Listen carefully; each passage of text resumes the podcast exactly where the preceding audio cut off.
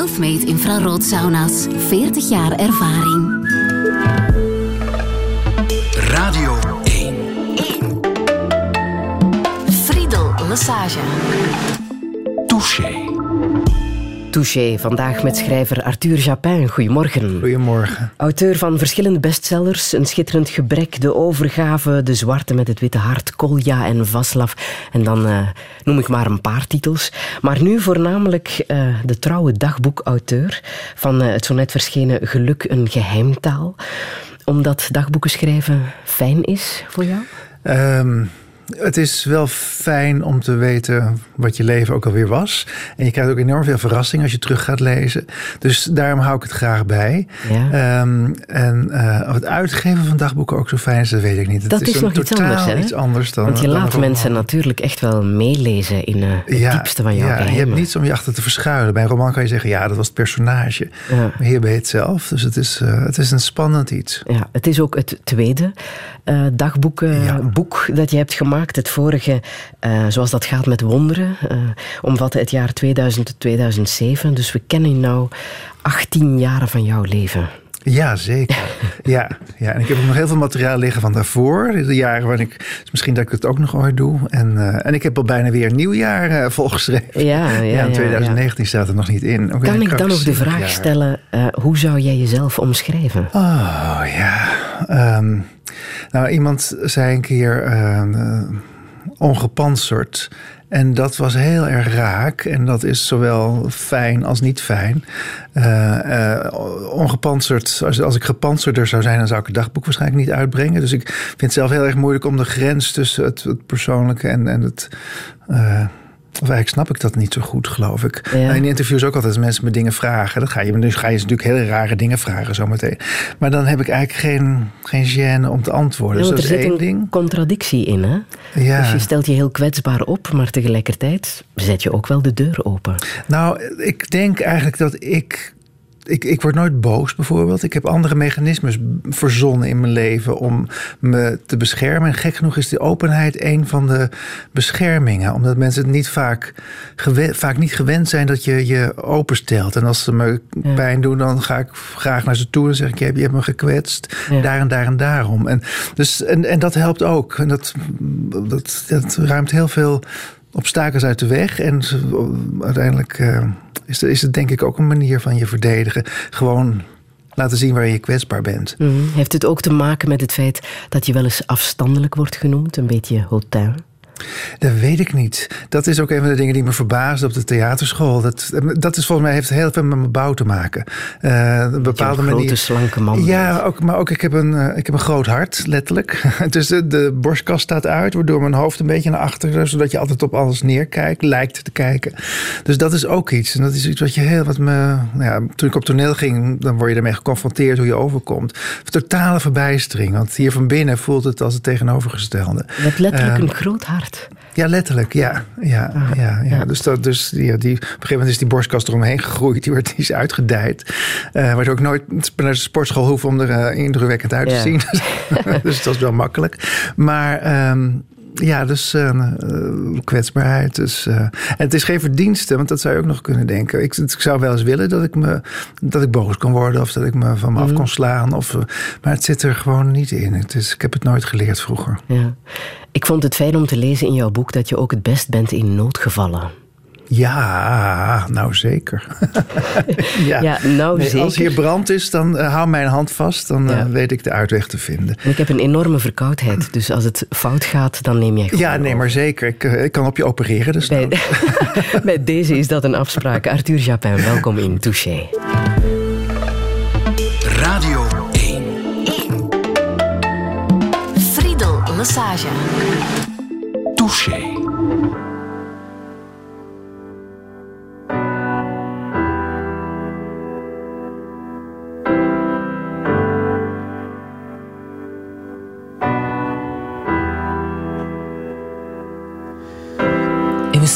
Something he said, something he said. His words built a wall, a wall inside my head. Just one little thing didn't mean that much to him, but it keeps building and building and building this wall in my head. this wall in my head. Just one tiny thought, it started out so small. The thought made a brick, the bricks made a wall, and the wall keeps me down, and the wall trips me up, and it keeps building and building and building this wall in my head. This wall in my head. And here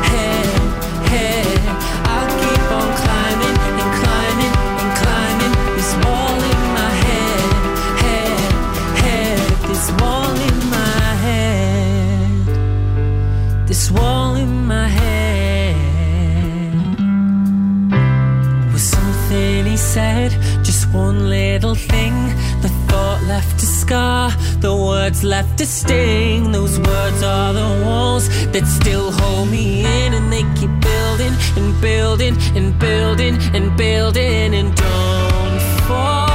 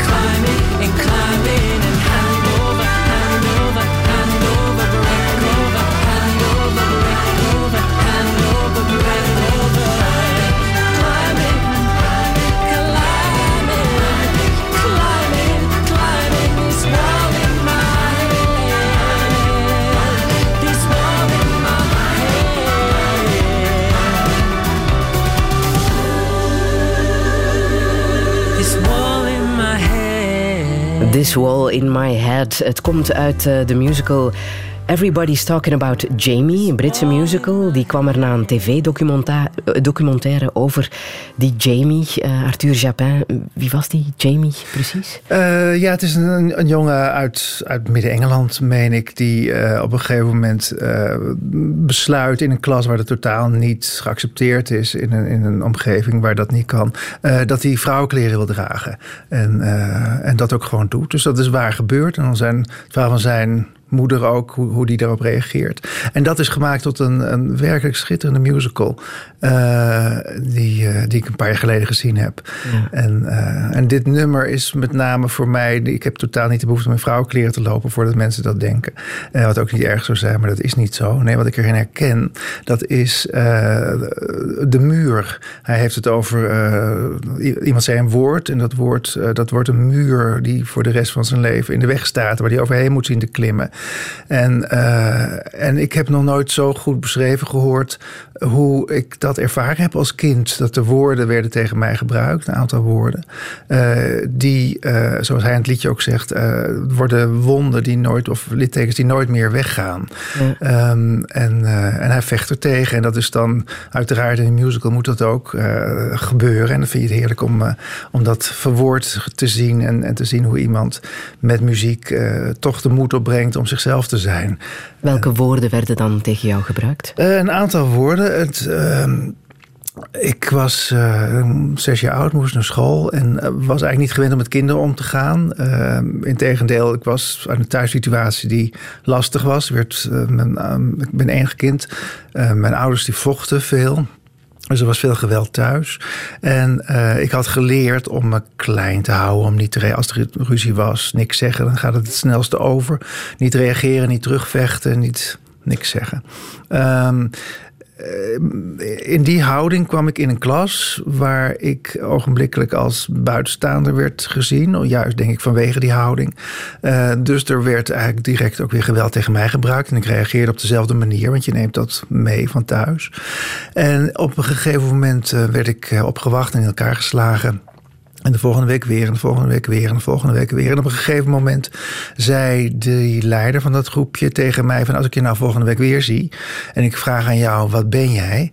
Dan uh, moet je zeggen: ik ben dit en dit en dit en dit en dat. En uh, die woorden zeg ik niet meer, want ik hoef ze voor niemand meer te zeggen, dus ik herhaal ze nooit meer. Uh, het is een scène die in de zwarte met wit hart beland is, met andere woorden voor quasi, voor de hoofdpersoon.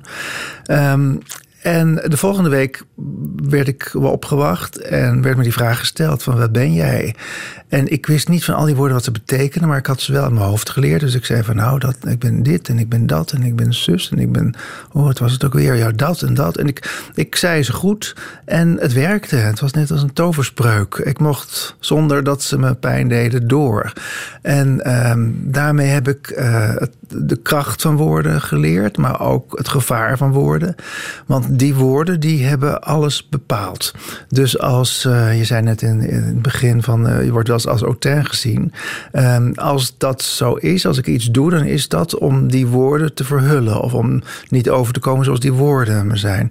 Het feit dat ik die wapens die tegen me gebruikt werden, die woorden heb opgenomen, uh, maakt dat ik schrijver ben. Mijn hele leven is bepaald door die aantal woorden. En ik ben gekwetst met woorden en ik ben gekwetst met, met beuken die in je gezicht werden uitgedrukt en dingen. Maar ik kan je zeggen, die wonden die genezen. En uh, die woorden die genezen nooit. En dat zijn die wonden waar hij net in het liedje over zong. En die wonden die maken dat er een muur komt. Dus wat iemand mij ook vertelt. En inmiddels kan ik rationeel begrijpen dat het anders is. Uh, dat kan je als kind niet. Uh, maar hoe het er ook uitziet, of hoe ik er ook uitzie. van binnen ben ik die zes woorden. Ja. En nou ja, dat is gewoon prachtig dat iemand um, daarover weet te zingen. En ik hou van uh, dat soort dilemma's. En ik hou van mensen die ondanks zo'n worsteling zichzelf blijven. En ik schrijf natuurlijk ook over ze.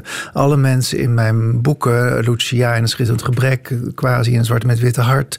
Uh, de kleine mensen in de grote wereld. Iedereen worstelt met hetzelfde. Namelijk dat ze er niet bij mogen horen. Dat ze op de een of andere manier vaak uiterlijk en soms innerlijk uh, duidelijk anders zijn dan andere mensen. En ze moeten een manier vinden om, uh, om daarmee om te gaan. En ze moeten over die wall waarover hij zingt, die, daar moeten ze in ieder geval proberen overheen te komen. Ze moeten klauteren en ze moeten dingen doen die een ander mens niet per se hoeft. Want het lijkt alsof pesten iets exclusief voor kinderen is, maar dat is niet zo. Hè? Nee, was het maar waar, zou je bijna zeggen. Want lees in jouw uh, dagboek dat het ook nu nog gebeurt. Dat jij ook nu nog af en toe jezelf gepest. Ja, nou gepest, gepest zou ik niet noemen. Nee, waar ik aan dacht is dat het verschrikkelijk is dat het gewoon in iedere, in iedere sportkantine en in het bejaardentehuis, door iedere groep. Dat is het ellendige van de wereld. Uh, en ik denk ook dat het onvermijdelijk is. Ieder initiatief om het te voorkomen op scholen, dat juich ik toe. Maar ik denk niet dat het ooit slaagt. Um, een groep, als je bij elkaar wordt gezet, is het heel lastig om te zeggen waarin je allemaal hetzelfde bent. Om de grootste gemene deler te vinden is lastig. Maar wat het makkelijkste is om te zeggen, nou weet je, we zitten hier met z'n allen. Maar zoals die, zo zijn we in ieder geval niet. Dat is zo anders dan wij. En daardoor voelt die groep zich hecht. Mm. Dus er is altijd één of twee van die mensen zijn nodig in een groep, bijna zou je zeggen. Mm. Uh, en daarom ga ik zoveel mogelijk groepen uit de weg en, en probeer ik zoveel mogelijk uh, uh, mensen te waarschuwen. Maar, ga je ook de literaire wereld uit de weg? Ja, heel erg. Maar dat heeft nog weer een andere reden ook. Maar, en dat komt omdat mijn vader in die literaire wereld zat. En ik meteen heel jong al zag wat een verschrikkelijke plek dat is. Dus daarom, Op welke manier dan? Nou, mijn vader was schrijver en uh, was daar niet gelukkig van geworden. Was natuurlijk het eerste wat je ziet als kind. Uh, die raakte in de war, daardoor ontstonden die ruzies. Hij raakte aan de drank. Uh, hij heeft zelfmoord gepleegd toen ik net 13 was. En uh, er kwamen schrijvers bij ons over de vloer. En dat was echt allemaal stuk voor stuk geen reclame voor het schrijverschap. De een was nog bozer en miskender en jaloerser dan de ander. En mismaakt, zou ik ze ook noemen. Er was eentje die, die groeide ook letterlijk krom. Dus niet alleen uh, bozig, maar ook echt uh, iets aan de ruggengraat. En mijn vader zei tegen mij, nou op een dag...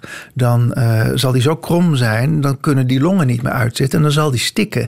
En dat is ook gebeurd. En dat was mijn beeld van schrijvers. Mensen die in een... Die zich niet konden uiten... of tenminste die, als ze zich uiten, niet gezien werden... en boos werden en misvormd raakten. En, Arthur dus, Japin, je bent zelf schrijver geworden. Ik weet het, ja. ja, ja dus het, uh, en of het gezond is, weet ik niet. Dat moet ik eerlijk zeggen. Ik weet niet of het. Ik geloof niet dat ik het iemand nog zou aanraden.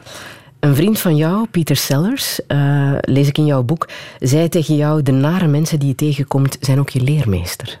Ja, ja hij is enorm uh, boeddhistisch. Uh, hij.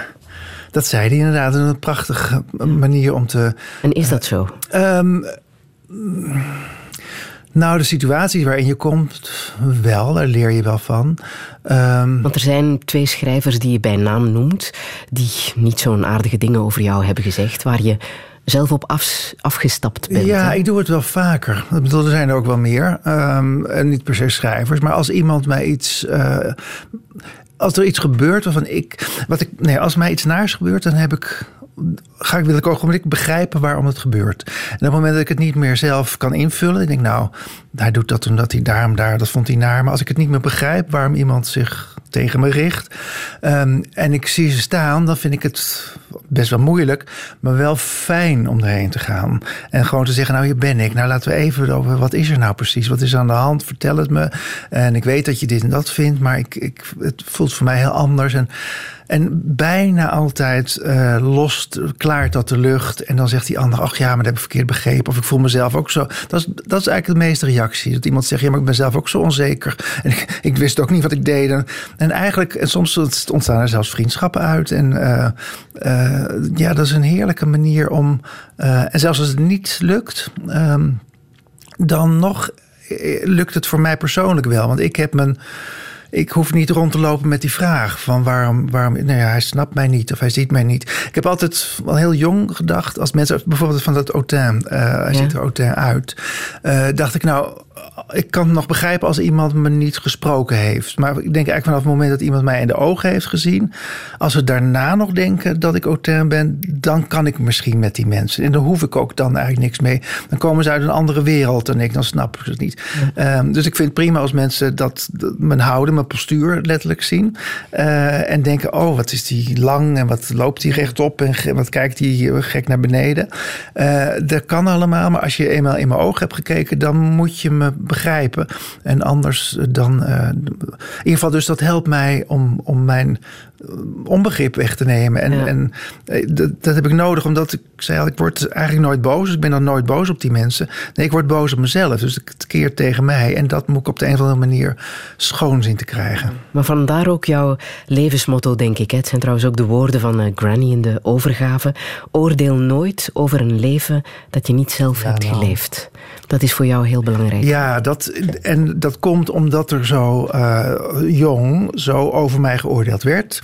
Uh, toen ik zes was, vanaf mijn zesde tot nou, denk ik wel mijn veertiende, vijftiende.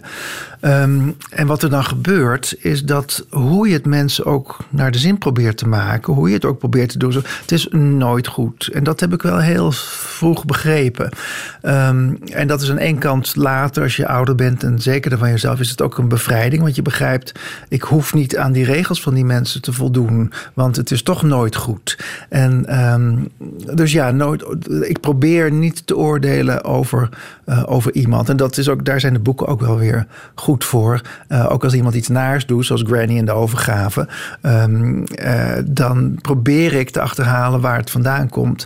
Zodat uh, ook daar voor de lezer en voor mezelf en voor de geschiedenis misschien zelfs um, die obstakels uit de weg geruimd worden.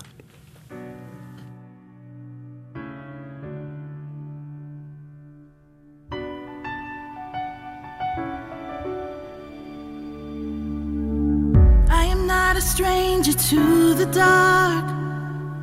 Hide away, they say, cause we don't want your broken parts. I've learned to be ashamed of all my scars. Run away, they say, no one will love you as you are. But I won't let them break me down to dust. I know that there's a place for us, for we are glorious.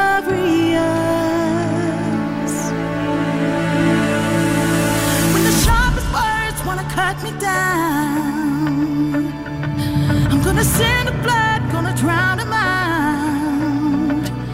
I am brave, I am bruised, I am who I'm meant to be. This is me.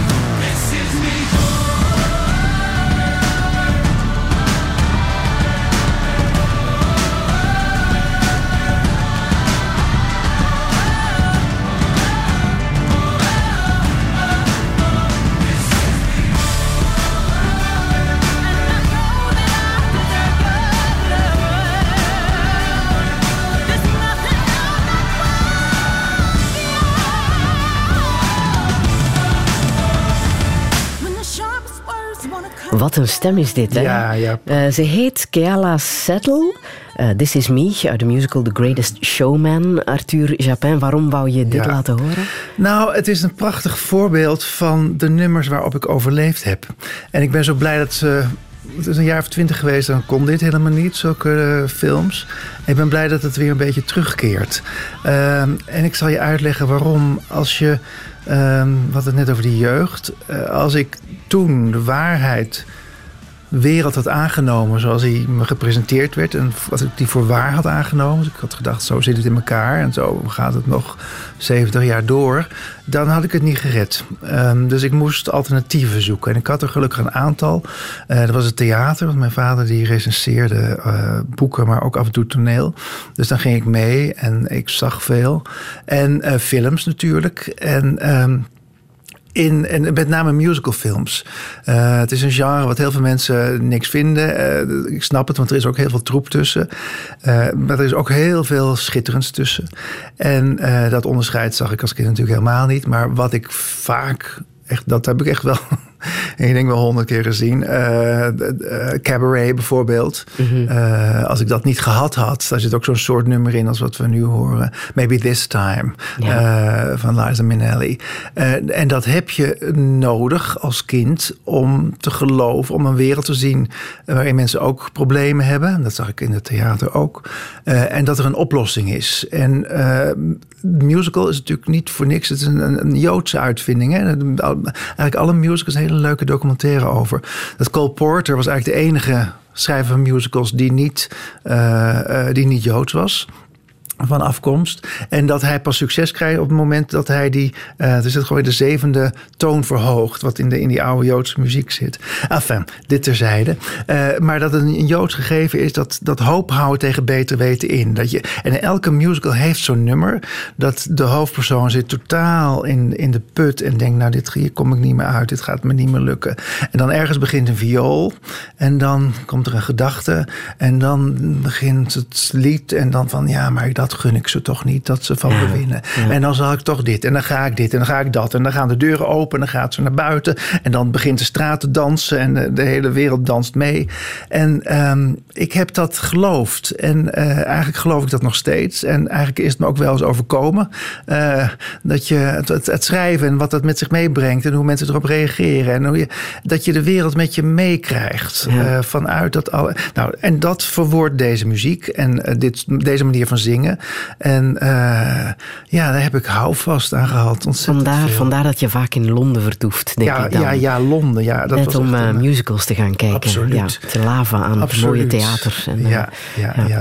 Wil jij een fragmentje lezen uit uh, Geluk, een ja, geheimtaal? zeker. Dit is een herinnering. oh nee, dit, is een, dit maken we werkelijk mee. Februari 2013 in Londen. Hier was het dus. De Reform Club op Pall Mall. Ik heb het al die decennia niet kunnen terugvinden. Meende dat het op Piccadilly was, maar deze vestibule die herken ik. Hier kreeg ik in 1969 met mijn moeder en mijn tante Josephine het nieuws van mijn vaders zelfmoord.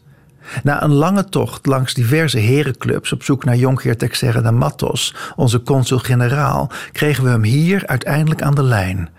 Twee vrouwen en een kind. Zo overstuur, ze konden ons niet buiten zetten, maar ze wilden ons toch ook niet binnenlaten. Uiteindelijk mochten we tot onszelf komen in de hal. Dezezelfde hal waar we nu met Barbara Schwepke een drankje drinken. Hoe was het voor jou om die plek terug te vinden? Ach, uh, prima. Uh, ik was blij dat ik hem eindelijk terugvond. Ik had altijd verkeerd gezocht, uh, een paar straten te ver. Um, Wel gezocht? Nou, wel eens dat je langs liep en dat je zag zo'n club dat je denkt, zou dit, dit nou zijn? Zou het hier geweest zijn? Want dat moment, dat herinner ik me natuurlijk heel erg goed, 1969. Ja. Uh, het, het, gekke toeval, en dat is het rare, dat uh, de werkelijkheid uh, zich niet hoeft te houden aan geloofwaardigheid. Toeval wilde dat ik in mijn hand had een skelet wat ik gekocht had. Die, de dood van Pierlala. Want ik was jarig geweest en mijn vader had me geld gegeven. En daarvan had ik een marionet gekocht. Natuurlijk ook al theater en, uh, spelen met, uh, met drama. Maar in ieder geval, die had ik bij me. Dus um, ik herinner me dat mijn mijn moeder was te overstuur, want we wisten dat er iets aan de hand was, maar niet wat. Dat we snel de consul moesten bellen. En mijn tante had hem aan de lijn en die zei eigenlijk alleen maar: uh, Het is Bert. Mijn vader heette Bert. En mijn moeder begon verschrikkelijk te huilen. En omdat zij begon te huilen, begon ik ook te huilen. En mijn tante begon te huilen. En ik herinner me dat ik met dat skelet stond na een tijdje... tussen die, al die heren in die herenclub... die allemaal een beetje keken. Wat moet dat kabaal hier? Wat doen ze hier? Zet ze buiten. En dat ik dacht, ik huil nou wel, maar ik weet eigenlijk helemaal niet precies wat er gebeurd is. En ik durfde het niet meer te vragen, omdat ik dat zo stom vond. En pas later, toen de consul kwam in ons hotel, toen, uh, en hij zei, ach, arme Arthur. Toen begreep ik wel hoe, hoe laat het was. Maar, uh, maar goed, dus die plek uh, kan ja. ik me goed herinneren. Ja. We zijn 50 jaar later. Hebben die dagboeken geholpen om te begrijpen wat daar toen is gebeurd? Wat er met je vader is gebeurd? Um, jawel, zeker. Um, ten eerste moet je goed begrijpen dat ik het hem nooit kwalijk heb genomen. Um, Integendeel bijna. Uh, want het, het, was het einde van een lange en zware periode bij ons thuis. En uh, zelf denk ik dat die op dat moment het uh, een goed gekozen moment was. Ik was uh, nog net niet in de puberteit. En als het langer had doorgeduurd, dan denk ik dat ik er persoonlijk veel meer problemen mee zou hebben gehad. Um, na zijn dood bloeide mijn moeder helemaal op en, en, werd weer wie ze altijd was. Voor een bepaalde tijd. Daarna hield het ook weer op. Maar in ieder geval, dus het was, ik heb het hem nooit kwalijk genomen. Maar wat er gebeurde eigenlijk door. Um, eigenlijk denk ik door interviews geven in, eh, in kranten. Eh, op een gegeven moment heeft Joost Zwageman een boek over zelfmoord geschreven. eh, over mensen die met zelfmoord in aanraking zijn geweest, zoals hij zelf was.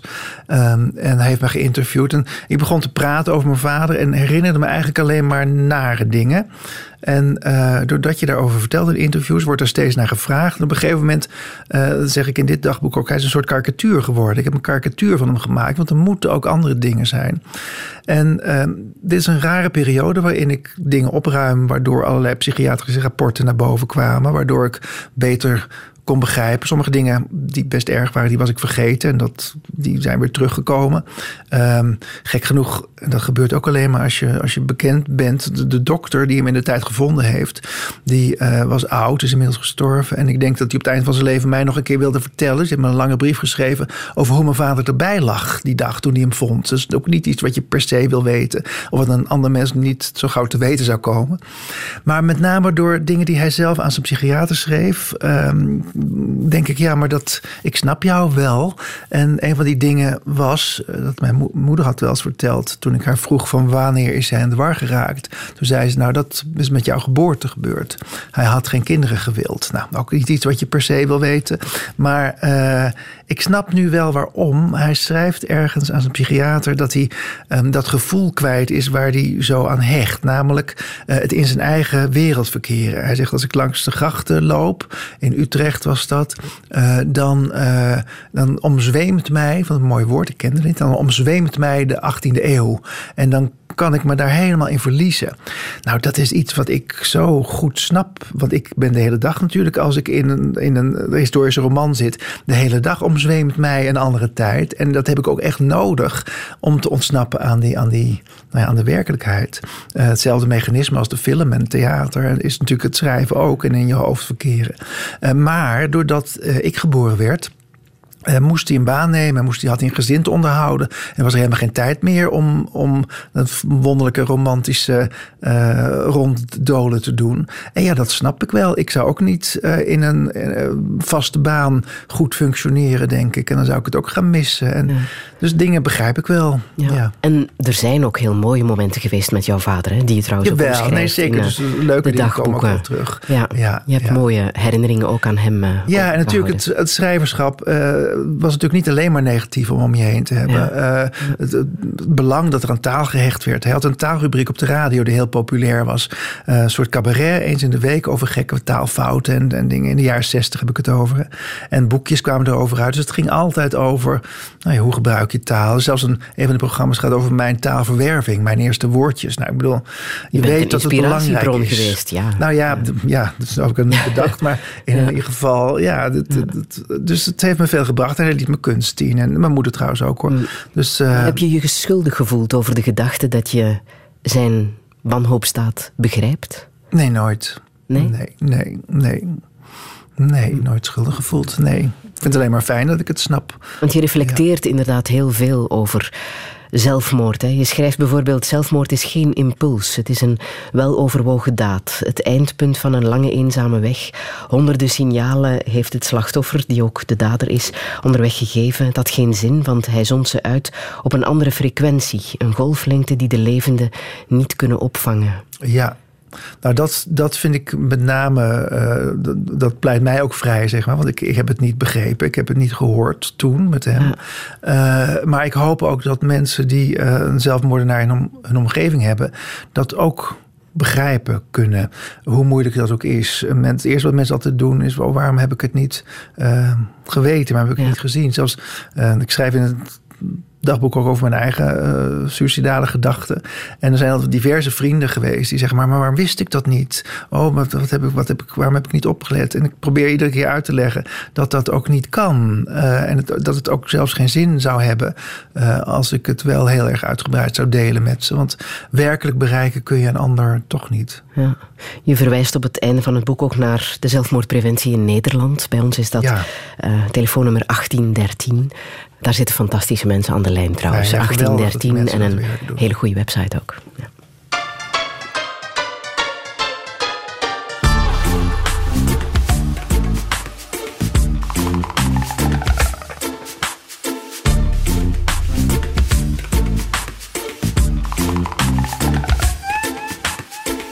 Hier komt een vrouw die leeft van haar schandelijke zin in zonde.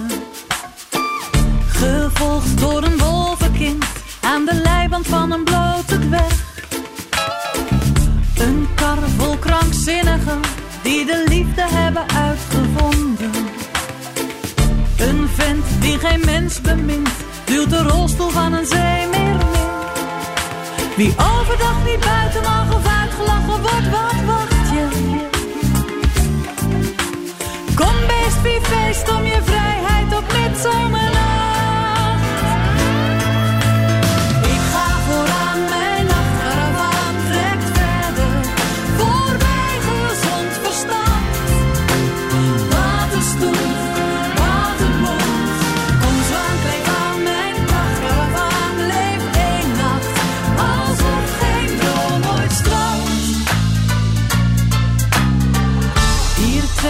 Dat vreemde ras dat zich aan niets of niemand voelt verbonden. Als altijd uit de pas, in parade door de koude klei. Een eindeloze rij van wie zich aan de eenzaamheid verwonden. Viert één nacht feest dat zij in een eentje met zoveel zijn. Wie overdag niet buiten mag of uitgelachen wordt, feest om je vrijheid op midzomernacht.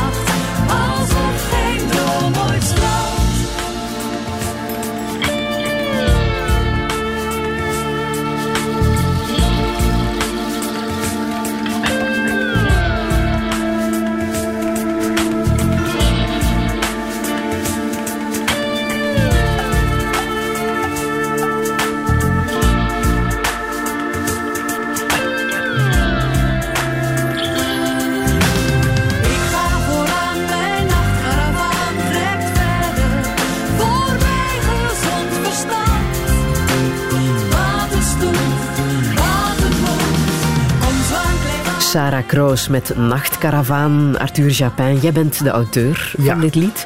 Ja. Jullie hebben samen de Annie M. G. Schmidprijs gewonnen, Ja. tien jaar geleden, voor eh, dit prachtige nummer. Ja, Een fijn eerbetoon om die prijs te krijgen. Ja, ja dat sowieso. Eh, ja, zeker. En eh, wat ook eigenlijk een bekroning is, is dat Sarah dat zingt. Want we hadden het net over die mensen die eh me iets doen en dat ik er geen. Nou dat ik naar ze toe ga. Eh, iets dergelijks gebeurde met Sarah Kroos in de uitzending. Ik presenteerde QI op de eh, Nederlandse televisie.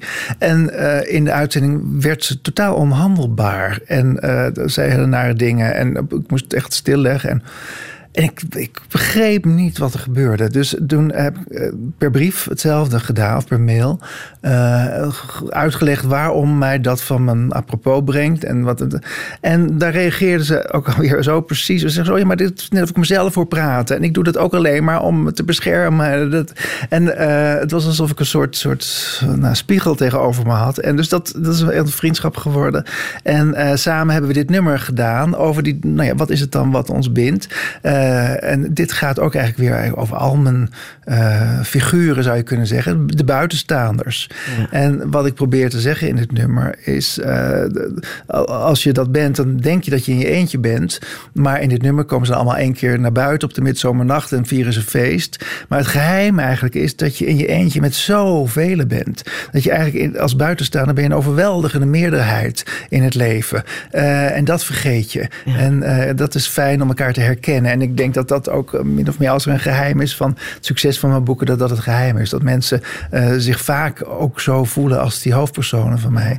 En, eh, en herkennen dat je kunt vechten en terug kunt vechten.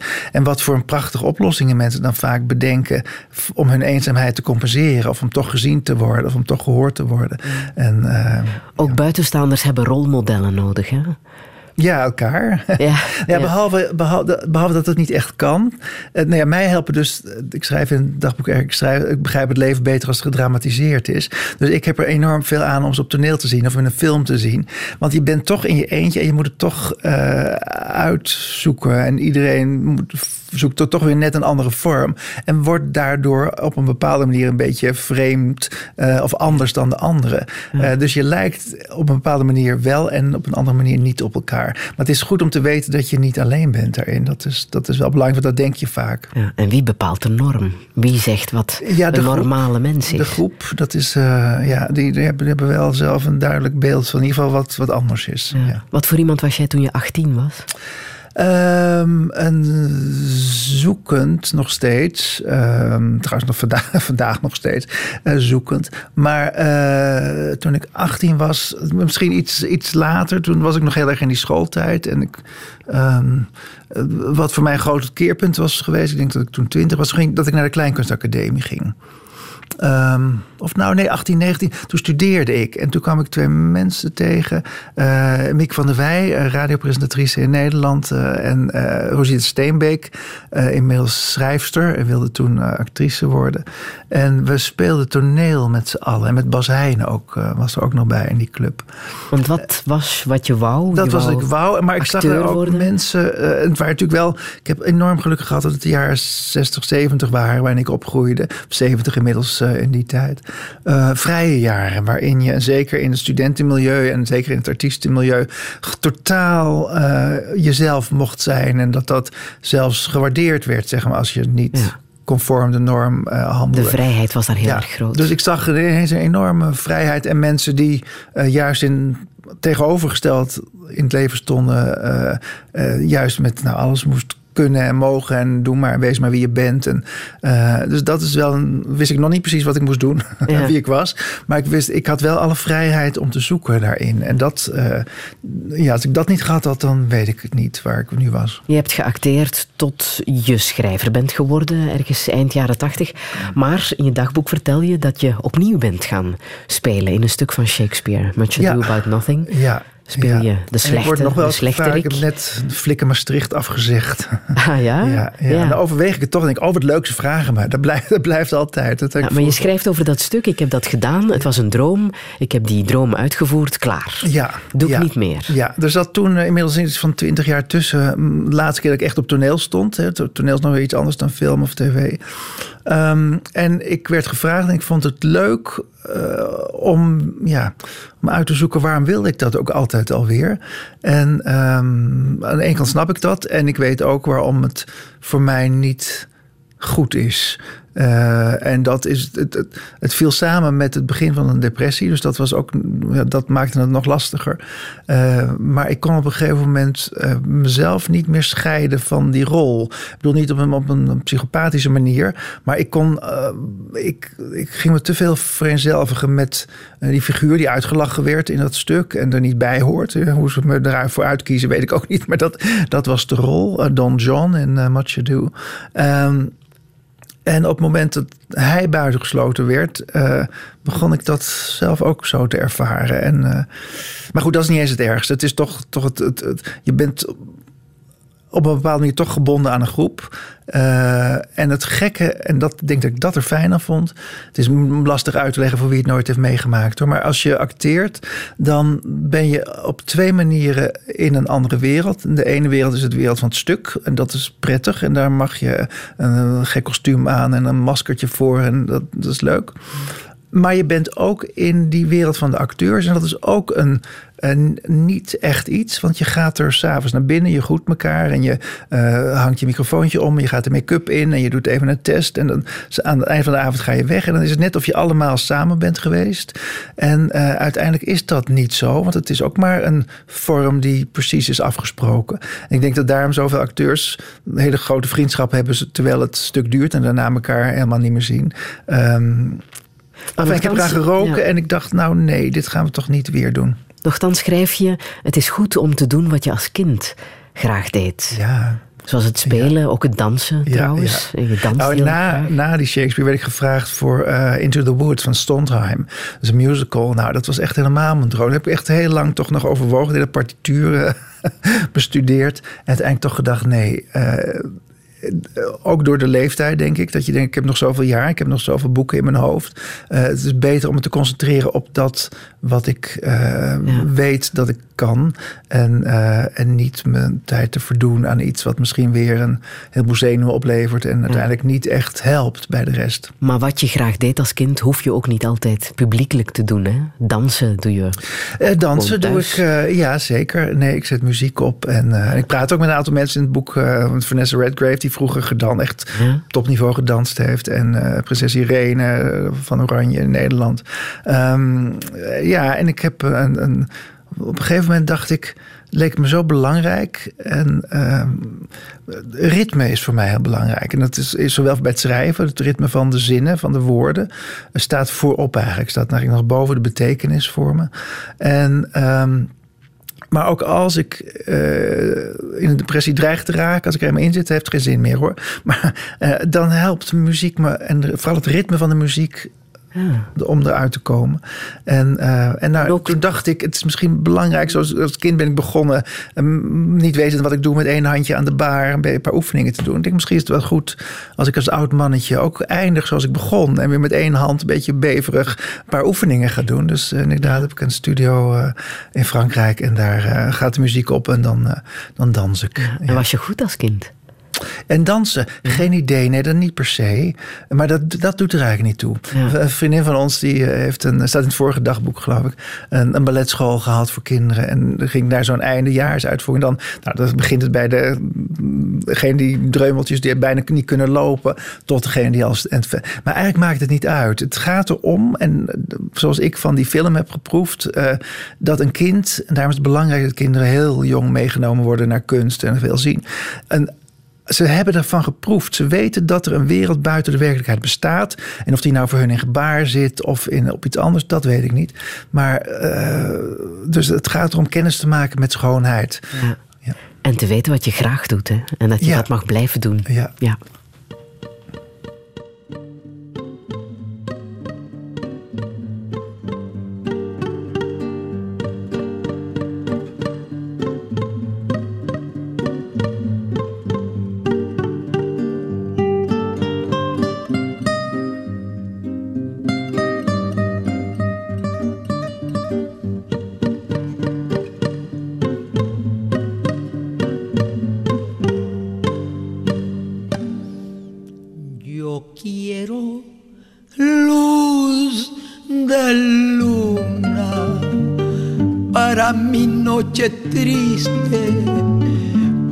Sentir divina la ilusión que me trajiste, para sentirte mía, mía tú como ninguna.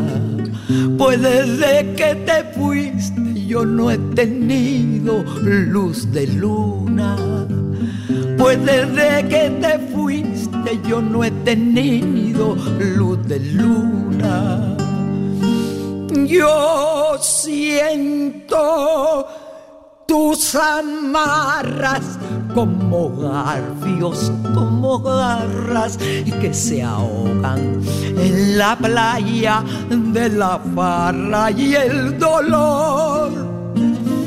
Y siento tus cadenas arrastras en mi noche callada, que sea plenilunada, azul como ninguna.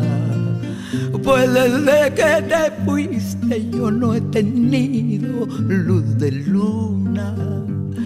Pues desde que te fuiste yo no he tenido luz de luna.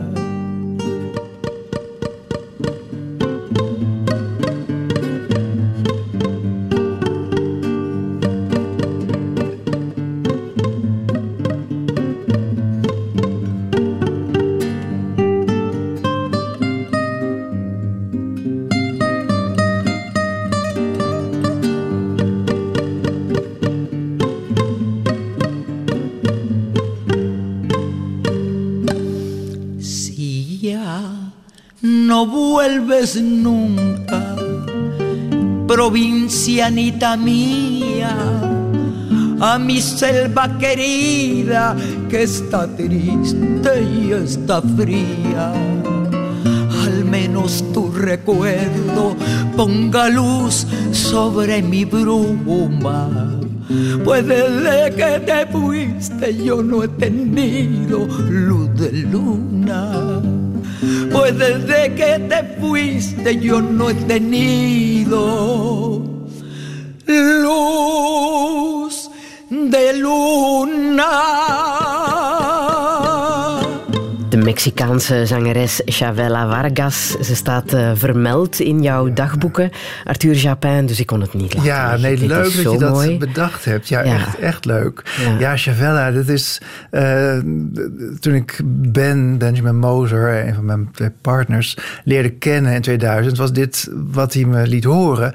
Eh, en het, het is best lastig, want het is bijna tegenovergestelde van eh, die musical muziek met, waar we het net over hadden. Die, eh, maar dat is ook wel, is een wonderlijk mens, eh, mijn Ben. Eh, dus die is op zijn, geloof zijn zestiende naar Mexico gegaan om haar op te zoeken. En is inderdaad eh, met haar bevriend geraakt. En eigenlijk tot aan haar dood hebben ze gecorrespondeerd. En ik geloof dat die hem nog één keer gezien hebben ook. En oude, oude, doorleefde, eh, prachtige zangeres. Die ook altijd in de films van eh, Pedro Almodovar eh, opduikt. Zelfs acterend ook. En dit nummer, Luz de Luna. Jullie kijken ook wel graag naar de sterren. Hè? Jullie gaan wel eens liggen en kijken naar de hemel. Jawel, ja, nou, we hebben een goede plek daarvoor. Ja, ja, In ja, Frankrijk. ja. In Frankrijk, ja, ver van alle verlichting, hè, want dat is zo verschrikkelijk. En desondanks verdwijnt de melkweg, hè, wist je dat? Ja. Gewoon door het licht van de aarde zien we de, wij de melkweg nu veel minder dan 50 jaar geleden. Wat voor plek is dat in Frankrijk, waar jullie Oh jullie ja, dat hebben? is, het, dat is het paradijs. Ja? Ja, ja. Het is een eh, sprookjesbos eigenlijk. eh, zo ziet het eruit, zoals je een sprookjesbos droomt. En eh, dat is gek genoeg van ons. Kan helemaal niet, want het kan niet van iemand zijn. Maar vol met eh, de- de wonderlijke grotten ook. Is bij, bij de, grotten, de beschilderde grotten zijn. Op het e- eind van ons terrein is er eentje met een eh, bison. Eh, ja, het is niet te geloven. En weg van alles en alleen met de natuur. En dat heb ik heel erg nodig. Ik, zou, ik heb geen tijd om er nu heen te gaan. Ik mis het zo verschrikkelijk. En wat trekt jou zo aan in de natuur? Wat is dat? Eh, nou, ten eerste misschien omdat ik het nooit gekend heb. Ik ben echt een stadskind. Ik heb mijn hele leven in de stad gewoond. En eh, op een gegeven moment begon het te trekken.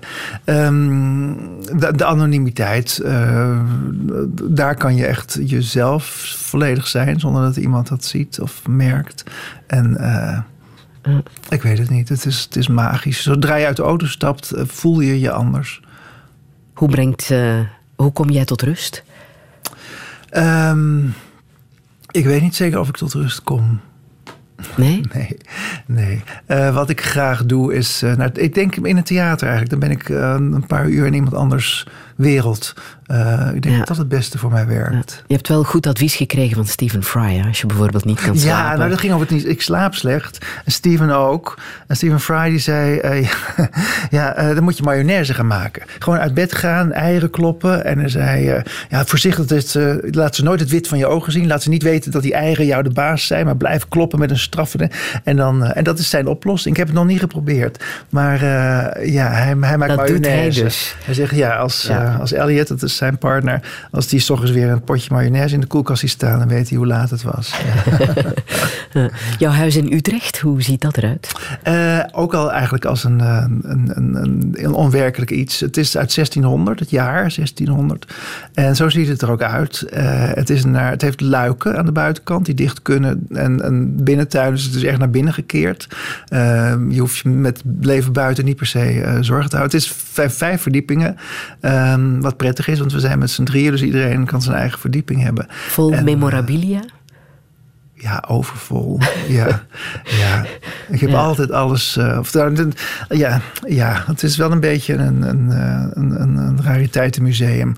Ik versta er soms zelf van te kijken. En dan gaat er een, een la open en dan liggen er de meest wonderlijke, wonderlijke dingen in. Is dat ook een soort troost dat je je hele leven lang wel een laadje kan opentrekken en dat er altijd wel iets zal in Nee, eigenlijk eh, op deze leeftijd niet meer. Nu is het eerder een last, want eh, het moet op een gegeven moment moet het weg.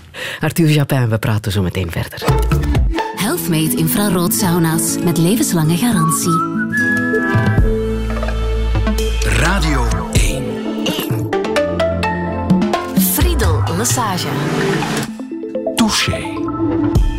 Touché met schrijver Arthur Japin. Hij publiceerde zo net zijn tweede verzameling dagboeken, Geluk een geheimtaal, omdat het nooit goed is te oordelen over een leven dat je niet zelf hebt geleefd. Zo schrijft hij heel openlijk over het rotjong dat hij was in de ogen van zijn vader, hoe hij als dertienjarige te horen kreeg dat die vader uit het leven was gestapt, hoe hij in alles wat hij deed iemand anders wou zijn, hoe hij een feestelijk leven leidt aan de zijde van zijn twee mannen, Lex en Ben, en hoe hij toch, ondanks die herwonnen levensvreugde, het slachtoffer werd van een depressie. Is het leven te veel gevraagd van een mens? Hoe doe je dat, leven met drie onder een dak? En hoe moet het verder met de wereld? Dit is Touché met Arthur Japin. Een goede middag. To dream the impossible dream. To fight the unbeatable foe.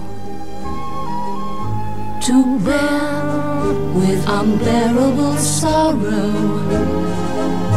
To run where the brave dare not go.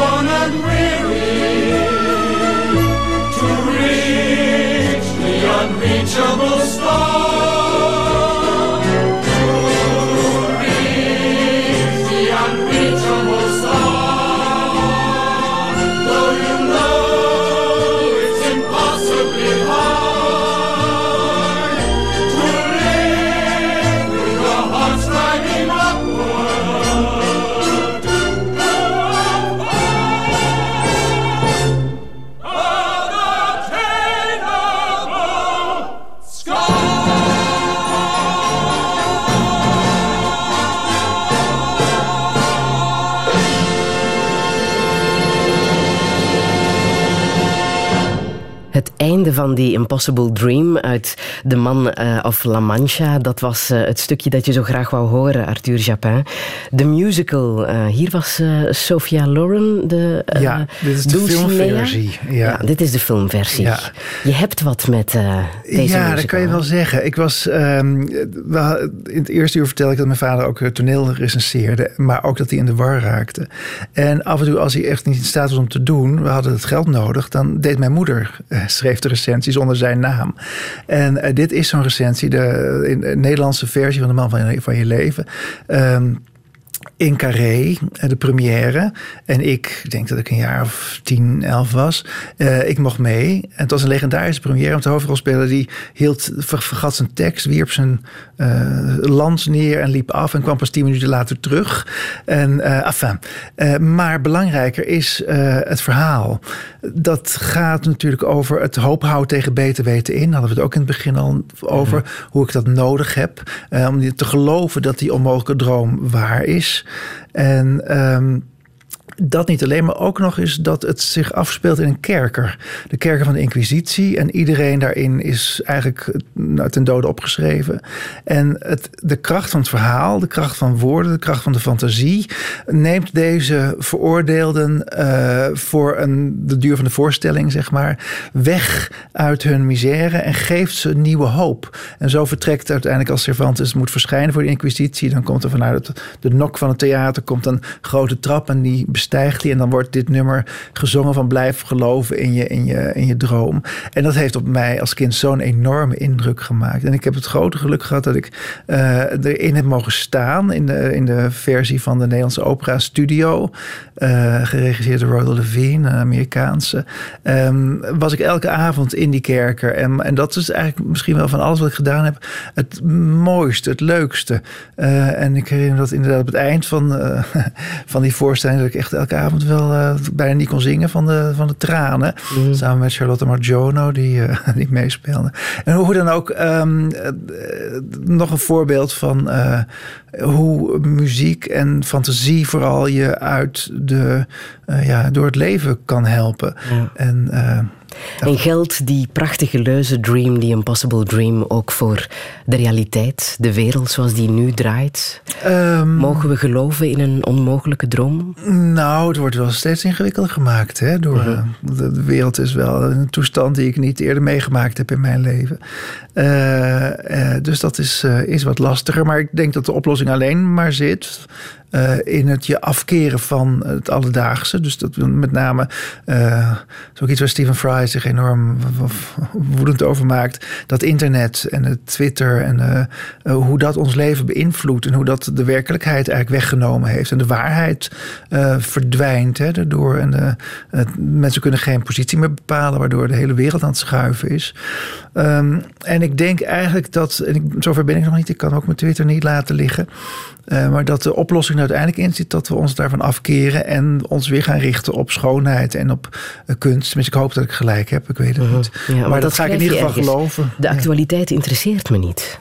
Dat schrijf je. Uh, ja, ik kan er in ieder geval als schrijver kan ik er niks mee. Um, Tenminste, niet direct. Uh, en dat heeft ermee te maken dat um, ik, ik word altijd getrokken door de mensen in het verleden. die weliswaar misschien dezelfde problemen hebben als wij. Uh, zeg maar de zwarte met witte hart. Daarin herkende ik uit logischerwijze wel uh, de mensen om me heen die ik ken, die uit Afrika naar Europa waren gekomen met een droom en hier niet slaagden. En als ze teruggingen daar verschrikkelijk mislukten. Dat herkende ik wel in dat verhaal. Maar ik, heb er, ik kan dat verhaal beter beschrijven als het een eeuw geleden is. Want als ik ga schrijven over dingen die, um, waar ik nu bij betrokken ben, dan. Uh, in het vorige uur zeiden we ook van uh, oordeel nooit over een leven wat je niet zelf hebt geleefd. Maar als ik over nu schrijf, dan heb ik er een oordeel over. Want ik ben er bij betrokken. Uh -huh. uh, als ik, het zou ontzettend interessant zijn om een roman te schrijven over de daders van 9-11. Uh, maar als ik dat nu zou doen, uh, terwijl ik van onze vrienden in New York weet hoe het rook die dag. Ik, dat maakt eigenlijk al onmogelijk hoe ik. Uh, om dat verhaal te schrijven. Want ik wil ze kunnen begrijpen. Ik wil kunnen snappen hoe het komt. En ik geloof dat dat zo is. Dat iemand s ochtends opstaat en denkt... nou, ik ga het beste van deze dag maken. Zoals we dat allemaal doen. Ik ga douchen, doe nieuwe kleren aan. En uh, dan ga ik vandaag in dat gebouw binnenvliegen. En dat ga ik nu doen. Dat, dat is het beste wat ik ja. vandaag kan doen. Ja. Uh, en zoveel levens verwoesten. En ik hoop dat iemand over 100 jaar dat boek schrijft, waardoor uh, degene die dan leven kunnen begrijpen welke stappen iemand moet hebben gezet om tot dat punt te komen. Uh, en als ik het nu schrijf, dan ben ik, heb ik een oordeel. En dat oordeel kan ik niet gebruiken als ik een boek schrijf. Op dit moment zijn ze heel hard aan het werken aan de slotverklaring op de klimaatconferentie in Madrid. Ja. Is dat iets wat. Uh, ja, dat, dat, houdt mij enorm bezig. Uh, uh, op welke manier? Nou, op, op wereldniveau, maar ook gewoon op, op klein niveau. Gisteren was ik, uh, ik ga bijna nooit naar verjaardagen, maar gisteren werd mijn schoonzus 65 en daar kon ik niet onderuit. Uh, en uh, niet omdat ik ze niet zou mogen, maar omdat ik heel moeilijk in een groep mensen verkeer. Maar ik was er en dan zie ik dat er mensen zijn die kinderen hebben en kleinkinderen hebben. En Lex had het georganiseerd, wij zijn vegetarisch, dus daar waren vegetarische opties. Maar dat dan mensen die kinderen en kleinkinderen hebben voor de vleesoptie gaan, dat kan ik bijna niet bevatten. Uh, dat mensen, dat je denkt, ik heb kinderen die nog, kleinkinderen die nog 60, 70, 80 jaar moeten leven. En ik weet hoe gevaarlijk vlees is voor de wereld en hoeveel uh, vervuiling dat uh, teweeg brengt, meer dan wat dan ook hè, ter wereld. En dat je dan toch niet van dat vlees kunt afblijven. Terwijl de, de toekomst van die kinderen en die kleinkinderen ermee gemoeid is, kan ik eigenlijk niet bevatten. En uh, omdat het verjaardag is, deed ik het niet. Normaal zou ik eigenlijk hetzelfde doen wat ik doe als mensen die, die me iets aandoen, niet begrijp. Zou ik gewoon zeggen, maar waarom doe je dat nou niet? En waar, waar, waar, hoe, wat is je overweging? Dat zou ik willen begrijpen. Om te denken, nee, het feit dat ik daar nu een boterham met vlees heb liggen, is mij belangrijker dan dat mijn kinderen een goed leven krijgen. Mm. Ik kan het niet begrijpen. En ik heb geen kinderen, het zal mijn tijd net uitduren. uh, maar dat je de toekomst van je kinderen op het spel zet door gewoon door te gaan met je oude gewoonten. Ik kan dat niet begrijpen. En dat niet alleen, maar mensen verdedigen het hè, tegen uh, Greta Thunberg, die zich zo daarvoor inzet. Hoe daarop gereageerd wordt op een kind, wat notabene voor de toekomst van je eigen kinderen en kleinkinderen kleinkinderen vecht. En hoe mensen zich verzetten tegen het veranderen. Ik, dat vind ik heel erg ingewikkeld te begrijpen. Dus er zullen, en ik denk, ben bang dat ze er niet komen. En ik, ben, ik denk dat de wereld, of tenminste de mensheid ten onder gaat. De wereld herstelt zich wel weer. Uh, maar. Uh, mensen zijn niet in staat om een stap terug te doen. En dat zit ook weer ingebakken in, uh, in de vooruitgang, in, in het overleven. Je wil allemaal toch um, kennelijk uh, liever met vakantie dan dat je kleinkinderen goed oud worden. Ja, ik mm. weet het. Ja, het is een bijzondere bezorgdheid, omdat je inderdaad geen kinderen hebt. Je ja. schrijft ook ergens in je boek: um, geen kinderen op de wereld zetten is een heldendaad. Dat is nog een ja, in mijn geval. ja, hm. zeg niet dat dat voor iedereen geldt. Um, ja, wat ik. eh, Ik heb het wel eens overwogen. Iemand vroeg mij om, om een kind, zeg maar, bij wijze van spreken. Vrij praktisch. Maar uh, dat was een moment waarop je in je leven denkt: nou, dat zou kunnen doen. Dat zou. Dus ik heb de voordelen en de nadelen afgewogen. Maar ik ben zelf beladen met uh, het verdriet van mijn ouders. Uh, mijn ouders waren beladen met verdriet uit de levens daarvoor. En um, als ik een kind zou hebben, dan zou ik, hoe goed ik dat ook probeer te doen, um, mijn verdriet en mijn zenuwen en mijn slechte slapen en uh, allemaal overbrengen aan een volgend iemand. En het zou daardoor doorleven. En wat ik eigenlijk fijn vind aan het feit dat ik zometeen sterf, is dat ik al dat verdriet en al die ellende van mijn ouders en wat daarvoor gebeurd is, uh, meeneem en uh, oplos. En het gaat, valt met mij uit elkaar. En dat vind ik eigenlijk iets geweldigs. Dus in die zin uh, schrijf ik ergens van: het is bijna zoiets als wat Superman doet: iemand redden. door geen kinderen te krijgen, door het niet te door te geven.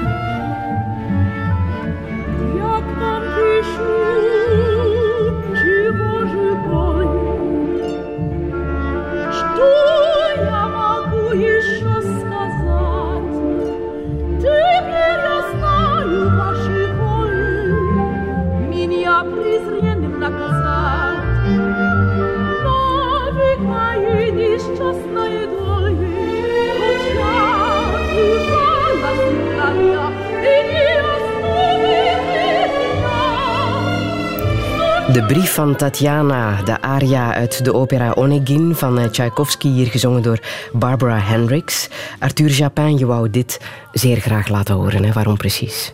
Nou, ten eerste omdat het schitterend is. En ten tweede omdat uh, het Tchaikovsky is. En uh, vorige roman ging natuurlijk over Tchaikovsky, over de twee broers Tchaikovsky. Piotr de componist en Modest de tekstschrijver van bijna al de opera's, maar niet van dit stukje. Dit is het enige stukje wat Tchaikovsky zelf waarvan hij ook de tekst wilde schrijven.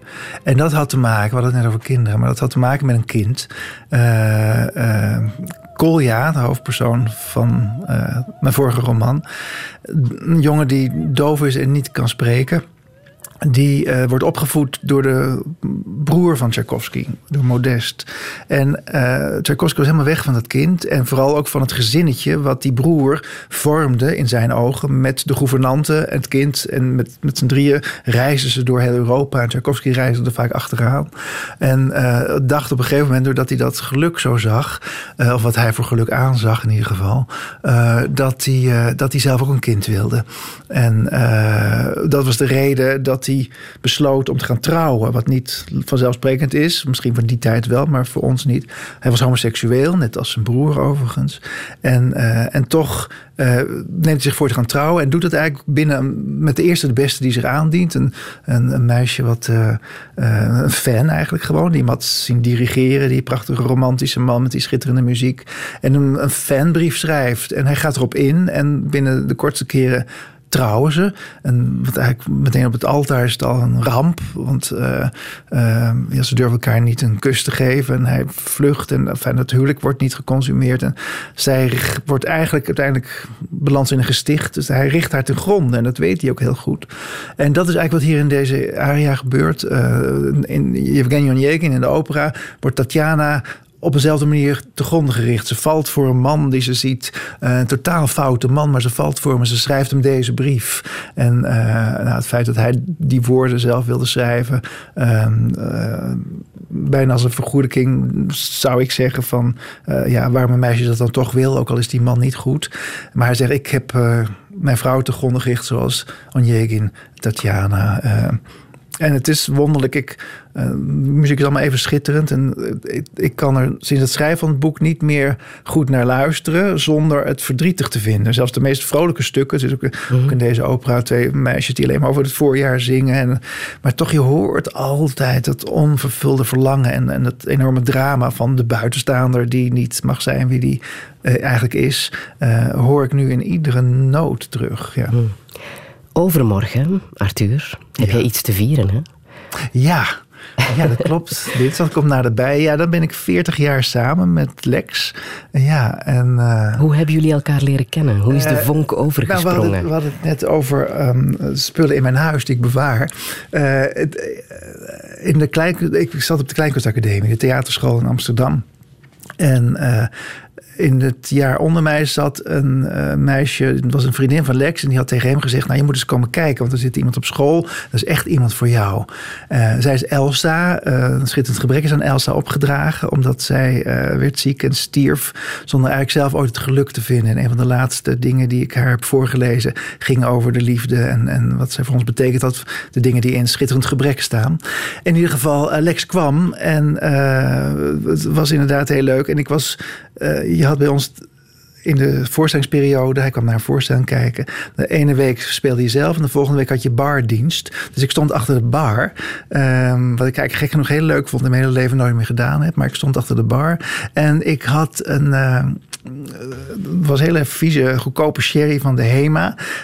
maar die had een schroefdop. Dat was toen nog bijzonder. Tegenwoordig heeft alles een schroefdop. maar, uh, en ik stond een beetje om een houding te geven. Ik weet niet hoe het eruit heeft gezien. Maar met die schroefdop zo een beetje op die te kauwen. En die hele uitgekoude schroefdop, die heb ik bewaard. Die zit in een mooi doosje in ons huis. Dus die zal ik uh, dinsdag uh, tevoorschijn halen. Ja, die ja. zit er al 40 jaar. Die zit er al 40 ja. jaar uitgekoud te wezen. Ja, het bijzondere is dat daar 20 jaar geleden Ben is bijgekomen. Benjamin Moser. Ehm, fantastische bio- biograaf trouwens van eh, Clarice Lispector en Susan Sontag. En misschien ook van Philip Roth, mocht ik lezen in eh, Ja, nou, jouw, volgens mij heeft, het, leeft eh, de huidige man nog. Maar inderdaad, dat was Ja. een overweging van... Hoe, ehm, hoe heb je hem leren kennen? Eh, door de Zwarte met het Witte Hart. Dus ook alweer door het schrijven en door de woorden. Eh, ik, eh, de, Zwarte met het Witte Hart zou uitkomen bij Knopf in New York, uitgeverij. En Ben was daar de hulp de, van, van mijn editor, van, mijn- van mijn redacteur.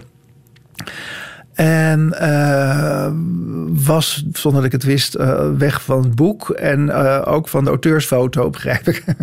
en had al een oogje op me, maar dat wist ik niet.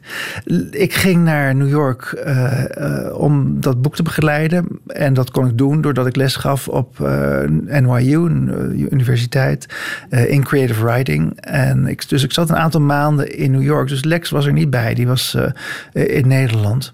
En eh, daardoor kon, kwam er ruimte, denk ik, eh, voor eh, het feit dat we een stap verder zetten en dat we elkaar kusten. En het eerste wat ik tegen Ben zei, ik zeg nee, maar dat kan helemaal niet, want ik ben bij Lex en ik ga nooit van mijn leven bij Lex weg. En Ben had eerst iets van dat hij dat niet wilde geloven, dat ik er maar soes bedacht om niet met hem door te hoeven. Maar ehm, het eerste wat ik dacht was, eh, oh wat leuk, er is nog zo iemand als Lex en ik. Ik denk, moet Lex bellen. Dat, eh, dat er nog, dat ik, nog, ik heb nog zo iemand gevonden, wat leuk. En toen zei Ben, nou doe dat nou maar niet meteen, want straks zegt hij dat het mag niet. En, eh, maar vrij snel daarna eh, heb ik dat toch gedaan. En het was inderdaad opmerkelijk en hij past heel erg goed bij ons. Dat was 2000. Ehm, en we hebben het. eh, Ben is naar Londen gekomen om dichter bij mij te zijn. En ging daar bij Harville Press werken als, eh, als redacteur. En eh, uiteindelijk 9-11. ehm, eh, Amerika was aangevallen. Je wist die dag niet wat er ging gebeuren. Er werd gezegd dat Londen het volgende doelwit zou zijn. Eh, het luchtruim werd gesloten en iedereen ging naar huis en naar zijn familie. En Ben is op de trein gestapt of belde van mag ik komen. En ik heb tegen Lex gezegd, Lex zei, natuurlijk moet hij komen, hij moet veilig zijn. Dus toen hebben we elkaar voor het eerst ontmoet op 9-11. En denk je dat, want het was een hele rare dag, hè, die 9-11, Ja. dat dat mee de liefde voor Ben naast Lex mogelijk heeft gemaakt? Nee, ik denk dat dat al wel eerder was. Ehm, want we zagen elkaar al wel en eh, Lex wist dat. En ehm, ik, wat het in het begin lastig was om uit te leggen. Inmiddels, een vriendin van Ben zei laatst op zijn verjaardag... Van, ja, als je het hoort, denk je, hoe zit het naar elkaar? Zeg maar als je zo gauw je met z'n drieën ziet, dan snap je het wel. Eh, het is moeilijk uit te leggen. En de- kern, en dat is ook de kern van Schitterend Gebrek... wat ik in die periode aan het schrijven was... ehm, is dat mensen denken dat liefde een fles is waar maar zoveel glazen uitgaan. En dat als het op is, dan is het op. Maar dat is helemaal niet waar. Het verdubbelt zich gewoon. En eigenlijk de beste uitleg die ik ooit gehoord heb was van Ben zijn moeder. Die zei, ja, ik snap het eigenlijk wel. Want eh, Ben en zijn zus die zijn kort na elkaar geboren, eh, binnen elf maanden. En ze zegt, ik hield zoveel, zei ze tegen Ben, ik hield zo verschrikkelijk veel van jou. En ik was zwanger. Ik denk, oh god, ik kan nooit nog een keer zoveel van een kind houden. En ze zegt, moment dat Laura geboren was, hield ik van jullie allebei evenveel. En nou, zoiets simpels is het. Je legt het ook uit in, in het boek. ja. Misschien moet je dat, dat stukje even voorlezen. Ja, want in het begin ja, wist ik zelf ook niet hoe het werkte. En probeerde ik het ook, vond ik ook echt dat ik het uit moest leggen aan mensen of aan mezelf Ja. misschien wel. En inmiddels, na twin- bijna twintig jaar, is, het, is er eigenlijk niks meer over te zeggen. En dat zeg ik hier. Ehm, we vormen een gezin. Dat is de beste uitleg als mensen willen weten hoe ons leven met z'n drieën werkt. Er is in feite niks bijzonders aan. We zijn logische in plaats van biologische familie. Simul et singulis hebben we in het hekwerk laten smeden. Samen en jezelf zijn. De eerste jaren vond ik het relevant om te verklaren hoe het zit en hoe vanzelf dat gaat. Maar inmiddels zie ik niet meer waarin we nou zo anders zijn dan andere stellen. We ontbijten het liefst samen op bed, kijken s'avonds hangend op de bank een film. De rest van de tijd zijn we aan het lezen en schrijven, ieder in zijn eigen wereld. We dragen regelmatig elkaars kleding. We voeden elkaar, letterlijk en figuurlijk. En als in een roedel honden zakt er eentje door het ijs, dan grijpen de anderen hem in zijn nekvel en trekken hem op het droge. Ja, het Ja. klinkt geweldig, maar ik vraag mij toch af, is een driehoeksrelatie makkelijker met mannen dan in een gemengde relatie, denk je? Ik zou het werk niet weten. Ehm, ja, dat zeggen suggereert in mijn ogen dat het. eh, mannen zijn promiscuur en eh, dus dat het een open relatie zou zijn. En dat is ook niet zo. Het is, we leven gewoon echt als een, als een, als een koppel, maar dan met eentje erbij. Eh, en, eh, dus het is niet zo dat iedereen maar wat doet. Dus dat is misschien niet. Maar jaloezie speelt niet. Nee, en dat zit hem in het verdubbelen van dat gevoel. Nee, je moet, wat je moet uitzoeken zijn praktische dingen. Wie, wie werkt waar en hoe delen we het huis opnieuw in. Ehm, maar nee, niemand heeft ooit reden gehad om te denken dat hij minder liefde of aandacht kreeg. omdat er nog iemand bij was. Nee, eigenlijk, eigenlijk meer. eh, ja, het is, je moet het maar eens proberen. Ja, denk je dat dat een, een, een Nou, ik denk om het te begrijpen. Om het te, be- nou, nee, Zijn nee. we te Nee, geconditioneerd? je moet helemaal niks. Nee, ik denk dat je dat zoiets alleen moet doen als het totaal van nature gaat. Ja, maar zijn we geconditioneerd als het gaat over relaties? Nou, over heel veel dingen. Wat ik, een van de dingen die ik, af, waar ik af en toe een, eh, aantekening voor maak... dat is een boek over alle leugens die ons verteld worden als we opgroeien. Er zijn zoveel dingen die iedereen maar gewoon ook op zo'n verjaardag elkaar napraat. En oh ja, en op een gegeven moment als kind, als je dat vaak hoor genoeg hoort... denk je, nou, dat zal wel zo zijn, het leven. En dat is het voordeel weer van buiten die groep vallen. Omdat je niet aan die regels hoeft te voldoen. eh, merk je dat heel veel dingen gewoon helemaal niet waar zijn. Dat het maar een zin is die mensen zeggen om er vanaf te zijn. En eh, nee, maar ik zeg helemaal niet dat dit voor iedereen het, het, het beste is. Nee, helemaal niet. Maar eh, voor ons werkt het goed. Jullie hebben ook een portret laten maken, een prachtig portret, door de wilde- fotograaf Erwin Olaf, met z'n drieën, naar de vier filosofen van Rubens, wat in Antwerpen Ja, het was Ben zijn idee. Ja. Nu, die vierde, dat was bijna gelukt, Ja. maar toch niet helemaal. ja. Nee, is en- bijna een vierde bij Ja, nou, Ben werd op een gegeven moment verliefd op nog iemand. Eh, en helemaal niet, eh, eigenlijk hetzelfde als, toen met mij. Helemaal niet in de zin van, nou, dan ga ik daarbij wonen. Die- Hij wilde niet bij ons weg en hij wilde niet dat onze situatie veranderde. Maar eh, was verliefd geworden op Matthew, een jonge dichter in, in Ithaca, New York. En... dus dat, dat zette die balans eventjes aan het, aan het wankelen. Want ja, we hadden die balans gevonden met z'n drieën. En hoe doe je dat? En wat betekent dat precies als er eh, iemand van heel ver weg ook... want hij kon niet komen. Dan, dus dat was, was een tijd zoeken. Dus inderdaad kwam hij, eh, kwam hij bij ons op bezoek. En dat portret van Erwin Olaf, dat hing eh, pontificaal aan de muur. Eigenlijk gewoon omdat het te groot was om in de auto mee naar Frankrijk te nemen. Maar het hing aan de muur. En omdat je niet weer precies weet wat je zeggen moet... als je iemand voor het eerst ontmoet... stond een beetje naar dat schilderij te kijken... of naar het portret te kijken. En toen zei Ben, ja, het is gebaseerd op de vier filosofen. En toen zei ik tegen Matthew, ik zeg, nou, zo zie je... we kwamen er nog één tekort... en we kunnen er nog wel tussen photoshoppen. Eh, dus we hebben dat...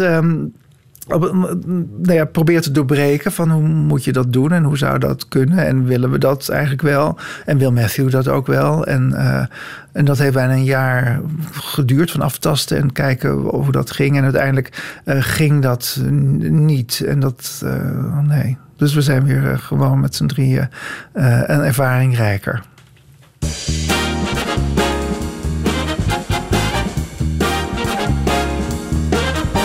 De wereld heeft mij failliet verklaard. Ik heb het nog nooit zo goed en licht gevoeld als nu. Ik heb het nog nooit zo schoon en bevrijd gevoeld als nu.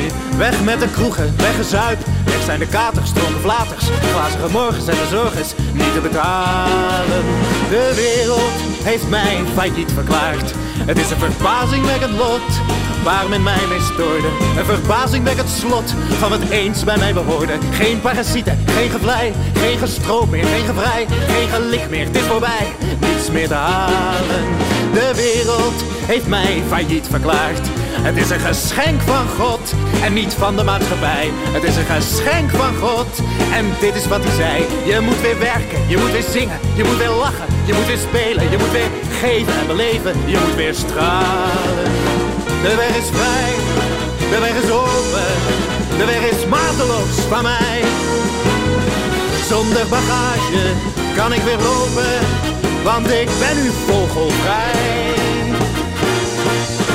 De wereld heeft mij failliet verklaard. Ik ben ontstegen aan het groot krakeel. Ik ben ontstegen aan het maffe oordeel. Ik heb niets meer te verliezen. Ik heb alleen te winnen, te beminnen, te beginnen. Ik ben niet meer te achterhalen.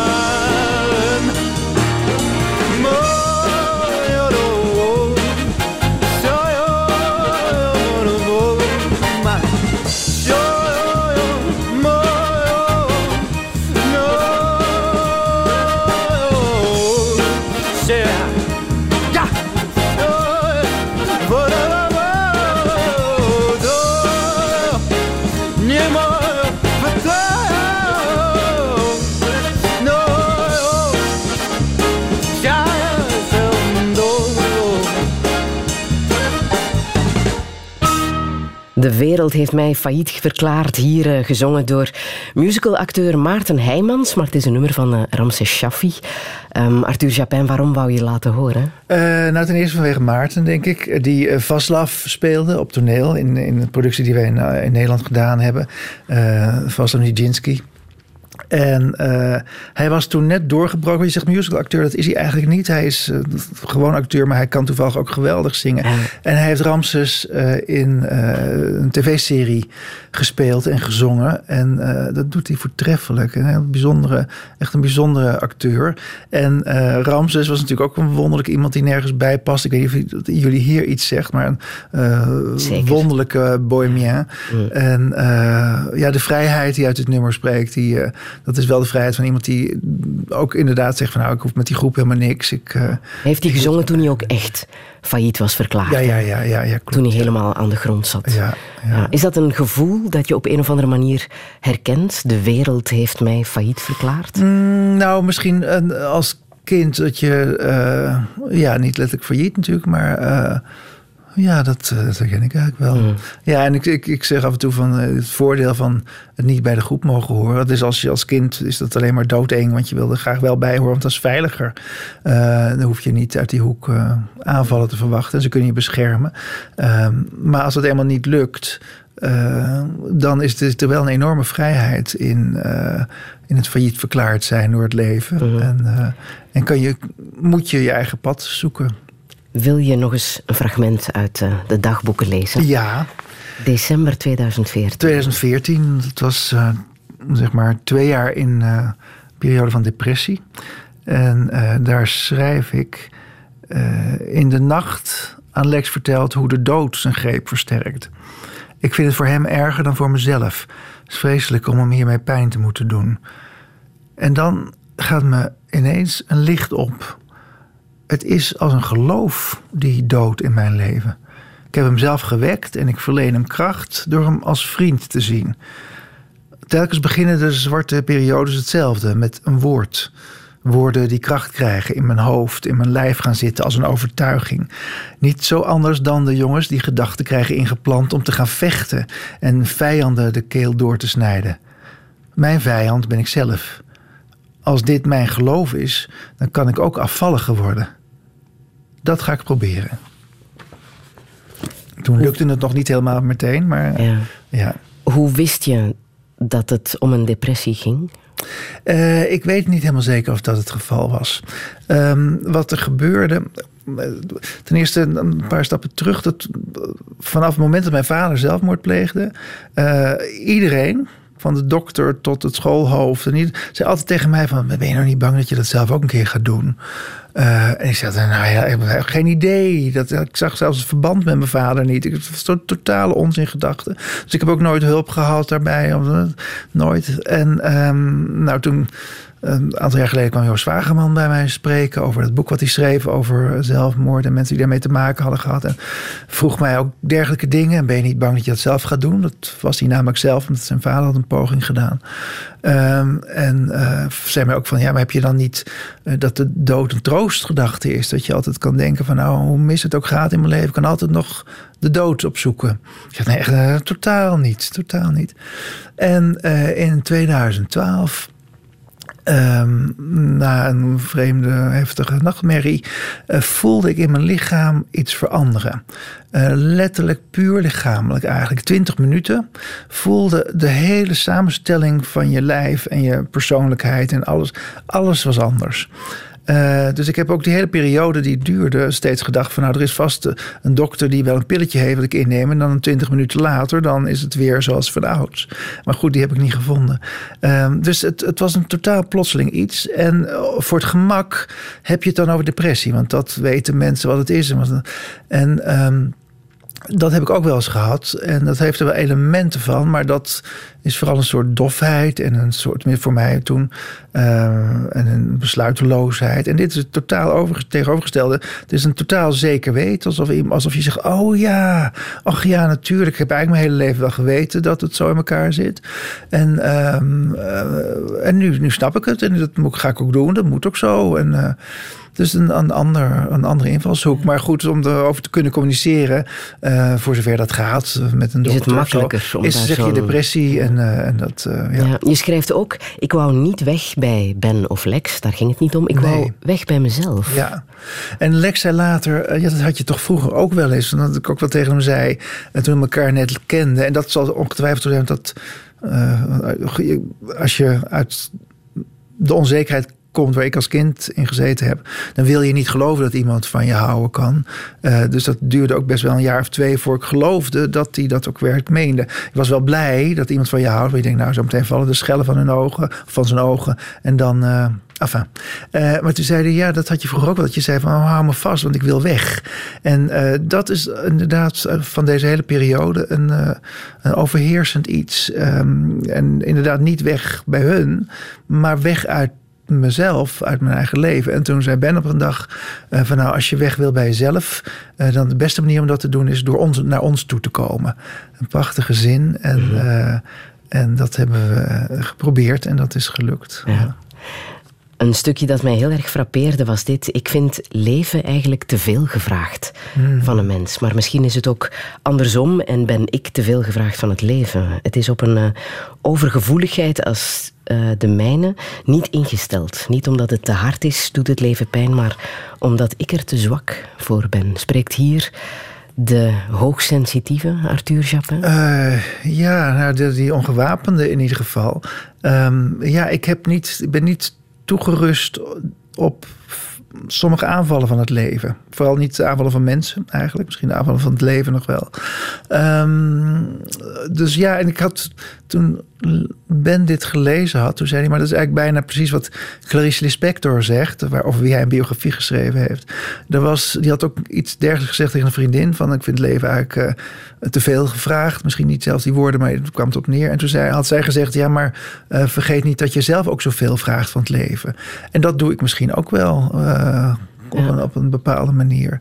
Maar goed, ik weet niet hoe het anders moet. Dus, maar zijn mensen ook sowieso niet te hard voor elkaar? Leven we in een um, te harde wereld? Uh, ja, dat vind ik wel. Um, ik bedoel niet iedereen. Maar uh, wat mij geholpen heeft, is een onderzoek wat gedaan is naar uh, empathie. Um, dat is een van de dingen die mij als kind enorm verwarde door, denk ik, de situatie thuis, waarin de vechtende ouders ben je als kind altijd bezig om te zorgen dat dat niet gebeurt. Dus altijd bezig te raden wat er in andermans hoofd omgaat. Een paar stappen vooruit te denken uh, in een leven. En dat is een, een, intuïtie waar iedereen, denk ik, mee wordt geboren. Gewoon als overlevingsmechanisme. Maar ik heb hem behouden, en veel mensen met mij in zulke situaties, behouden dat en hebben een soort overgevoeligheid voor wat er in andere mensen omgaat. Dus dat betekende dat op het moment dat uh, die klas zich tegen mij keerde, uh, ik hun wel kon lezen. En ik niet begreep dat zij niet zagen wat hun acties met mij deden. Um, en uh, enfin, het onderzoek van een aantal jaar geleden uh, ben exact de cijfers nu kwijt. Maar dat er een aantal mensen, iets flink gelukkig 30, 40 procent van de mensen heeft veel empathie. Hebben dat wat ik heb en wat jij hebt. En anders kun je niet interviewen namelijk. Uh, uh, begrijpen wat een ander mens voelt. Um, als ik een, hoe grappig het ook is in een situatie bedoeld. Als iemand over een bananenschil valt, dan voel ik pijn. En kan bijna niet begrijpen dat iemand lacht. Enfin, dat is één. Dat is een deel van de mensen die wat minder. En er is toch ook nog wel een griezelig deel, iets van 18 of 20 procent van de mensen, die totaal niet weet wat er in een ander gebeurt. Die als een ander pijn leidt, dat niet voelt. Uh, en dat is eigenlijk wel goed om te weten. Het is ook angstaanjagend, want een aantal van die mensen zijn aan de macht op moment ook nog. Um, maar um, het is wel goed om te begrijpen dat, ook weer om mensen te snappen, waarom doen ze de dingen die ze doen. Sommige mensen kunnen niet voorbij hun eigen gevoel voelen. En um, nou ja, dat is verwarrend. En als je wel alles oppikt, uh, op een dergelijke manier. Heel veel mensen hebben me geprobeerd te leren. Nou, probeer je af te sluiten. Doe alsof er een glazen stolp om je heen zit. Maar het werkt voor mij allemaal niet. En ik wil misschien ook niet dat het overgaat, want het is mijn manier van leven. En uh, het levert ook heel veel voordeel op, want je weet heel veel over situaties. Mm. Het helpt me enorm bij het schrijven. Um, en uh, je bent ook altijd een paar stappen vooruit op wat er gaat gebeuren in een gezelschap. En, dus het heeft voordelen maar het heeft dus zeker ook uh, nadelen.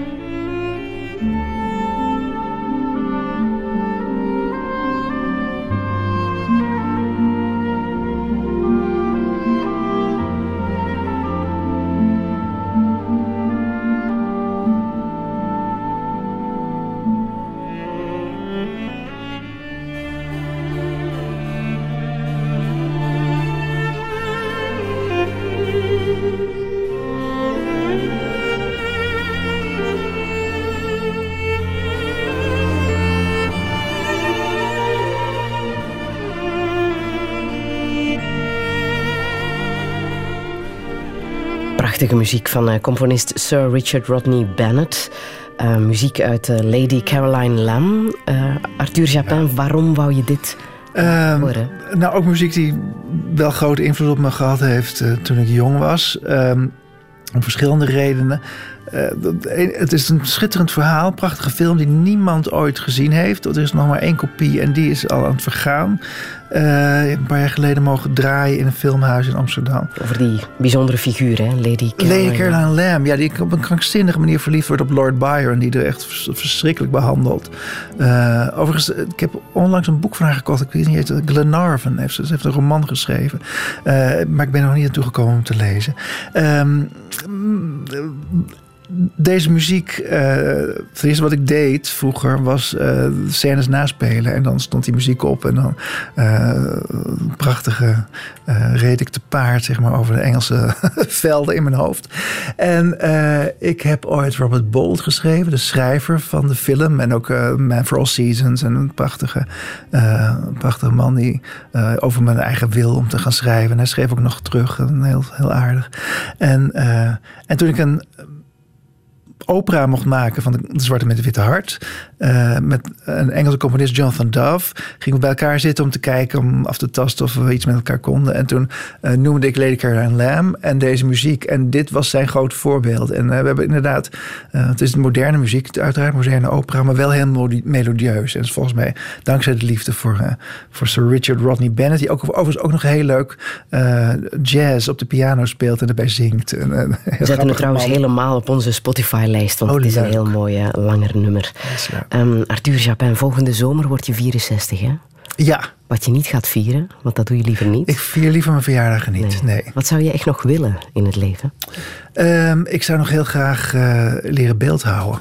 Ja? Ja, ja, dat is een van de dingen die ik al jaren roep en nu misschien maar eens een keer moet gaan doen. Ja, ik, wil nog zoveel, ik heb nog zoveel uh, ideeën voor romans. Vroeger zei ik, een van mijn excuses om niet te hoeven schrijven was, uh, ik heb geen fantasie. Maar nu is het te veel. Ehm, dus het is zo zonde dat alles. Ik wil heel graag meer weer piano spelen. Ehm, en ehm, ja, ik weet het niet. En wachten op de verfilming van jouw boeken? Ja, nou daar wacht ik al heel erg lang. Wachten, nou, we hebben eerst volgend jaar een verfilming eh, van uh, Maar buiten is het feest. Dat komt er echt aan. Dat komt er echt aan. Die, die opnames zijn er. Dus dan wil, je weet het bij film nooit, maar dan moet er wel heel veel Schitterend gebrek, komt en dat Schitterend gebrek aan? gaan we in 2021 opnemen. En dan is die in 22 in de bioscoop in een prachtige, hopen we, prachtige internationale productie. Ja. Hoe wil jij herinnerd worden? Oh, ik wil niet herinnerd worden. Nee? Nee, dat is echt niet nodig. Nee. Ja, door degene die me, die me lief hadden. Uh, en verder is het prima. Nee, ben jij bang voor de dood? Dat is ook weer een van de dingen, een van de dingen die mensen elkaar aanpraten. Dat je herinnerd ja. zou moeten worden. Waarom in de hemelsnaam? Ja. Uh, bang voor de dood. En ben bang voor um, uh, de, de, pijn. Als er pijn bij komt. En, en, en uh, ongetwijfeld een, een, bepaalde angst. Maar ik ben niet bang voor het er niet zijn. Nee, dat helemaal niet. Dat is een van de dingen die mijn vader, uh, toen ik klein was, uh, trof ik hem huilend op de grond aan. Ik zei, wat is het nou toch? Toen zei hij, ik ben zo verschrikkelijk bang om dood te gaan. Heb jij dat niet? En ik was zes, zou ik maar zeggen. Ik zeg, nou nee, totaal niet. Heb ik helemaal niet. En hij zei, oh, maar dat komt nog wel. En misschien daardoor dat ik altijd op gespitst ben gebleven om te kijken, zou dit het nou zijn? Is dit nou de angst? En ik zie heel veel mensen om me heen het wel hebben. En uh, nee, dat, dat heb ik niet. Nee. Je hebt zoals zoveel veel geleerd uit het uh, boek van Tolstoy, hè? De dood van Ivan Ilyich. Ja, daar vond ik een soort bevestiging in. De, niet alleen over de dood en hoe, wat een onzin het is om, om, om daar maar bang voor te zijn. Maar ook vooral over hoe belangrijk het is dat je bewust je leven Leeft, benut en, en, geniet en alles probeert. Dat heb ik me altijd voorgenomen om niks onbenut te laten. Om niets, om niets ongeprobeerd te laten. Mm. En tot zover uh, gaat je dat goed. Je hebt je leven voluit geleefd. Ja, dat kan je wel zeggen. Ja. Welke boodschap wil jij je nog meegeven? Um, nou, dat weet ik. Dat is een te grote vraag. Maar ik zou eigenlijk de, de, waar, waar we mee begonnen, uh, misschien toch wel nog. Het is elke dag weer actueel. Oordeel niet over een leven wat je niet zelf hebt geleefd. Dat vind ik toch wel de essentie. Want dat maakt het voor jezelf ook veel prettiger, het leven. Ik heb nog een heel mooi nummer van Steven Pasquale, It All Fades Away. Mm, ja, ook een schitterende musical van uh, Jason Robert Brown, een moderne uh, componist. Uh, en hier zit, ik weet niet of we tijd hebben om het allemaal te horen, maar op een gegeven moment zit een, een, een liefdesschreeuw in, zo prachtig gezongen, dat ik nog nooit eigenlijk in een lied iemand zo diep heb horen huilen. There was something in the desert There was some place wild and green, and a child in a village I passed through. There are places that I've traveled, and so many things I've seen, and it all fades away. But you.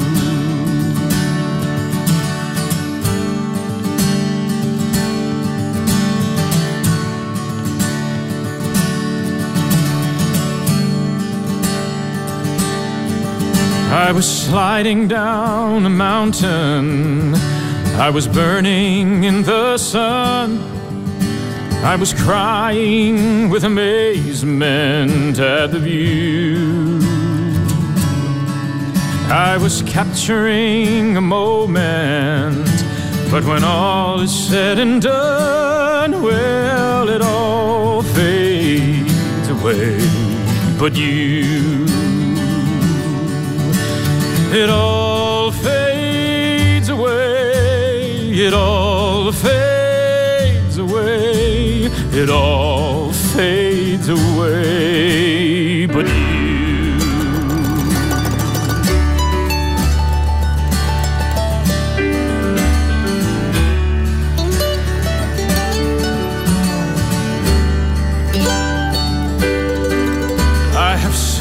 across the oceans past the cities and the farms on a never ending quest for something new.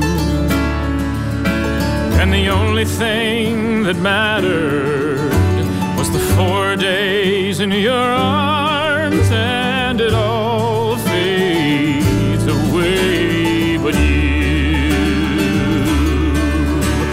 it all.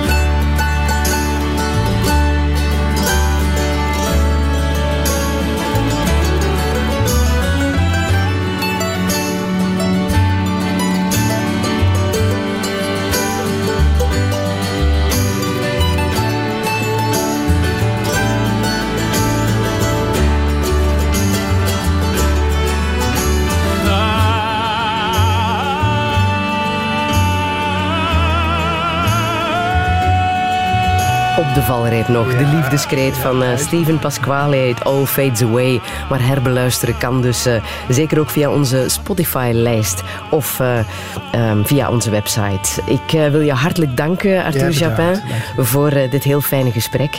Volgende week verwacht ik hier stand-up comedian Sue Nsuki. En rest ons alleen de mensen ja, warm te maken voor het lezen van jouw boeken. Hè. Onder andere Geluk een geheimtaal. Dankjewel en een hele fijne zondag nog luisterdouché via de podcast, de Radio 1-app en radio1.be.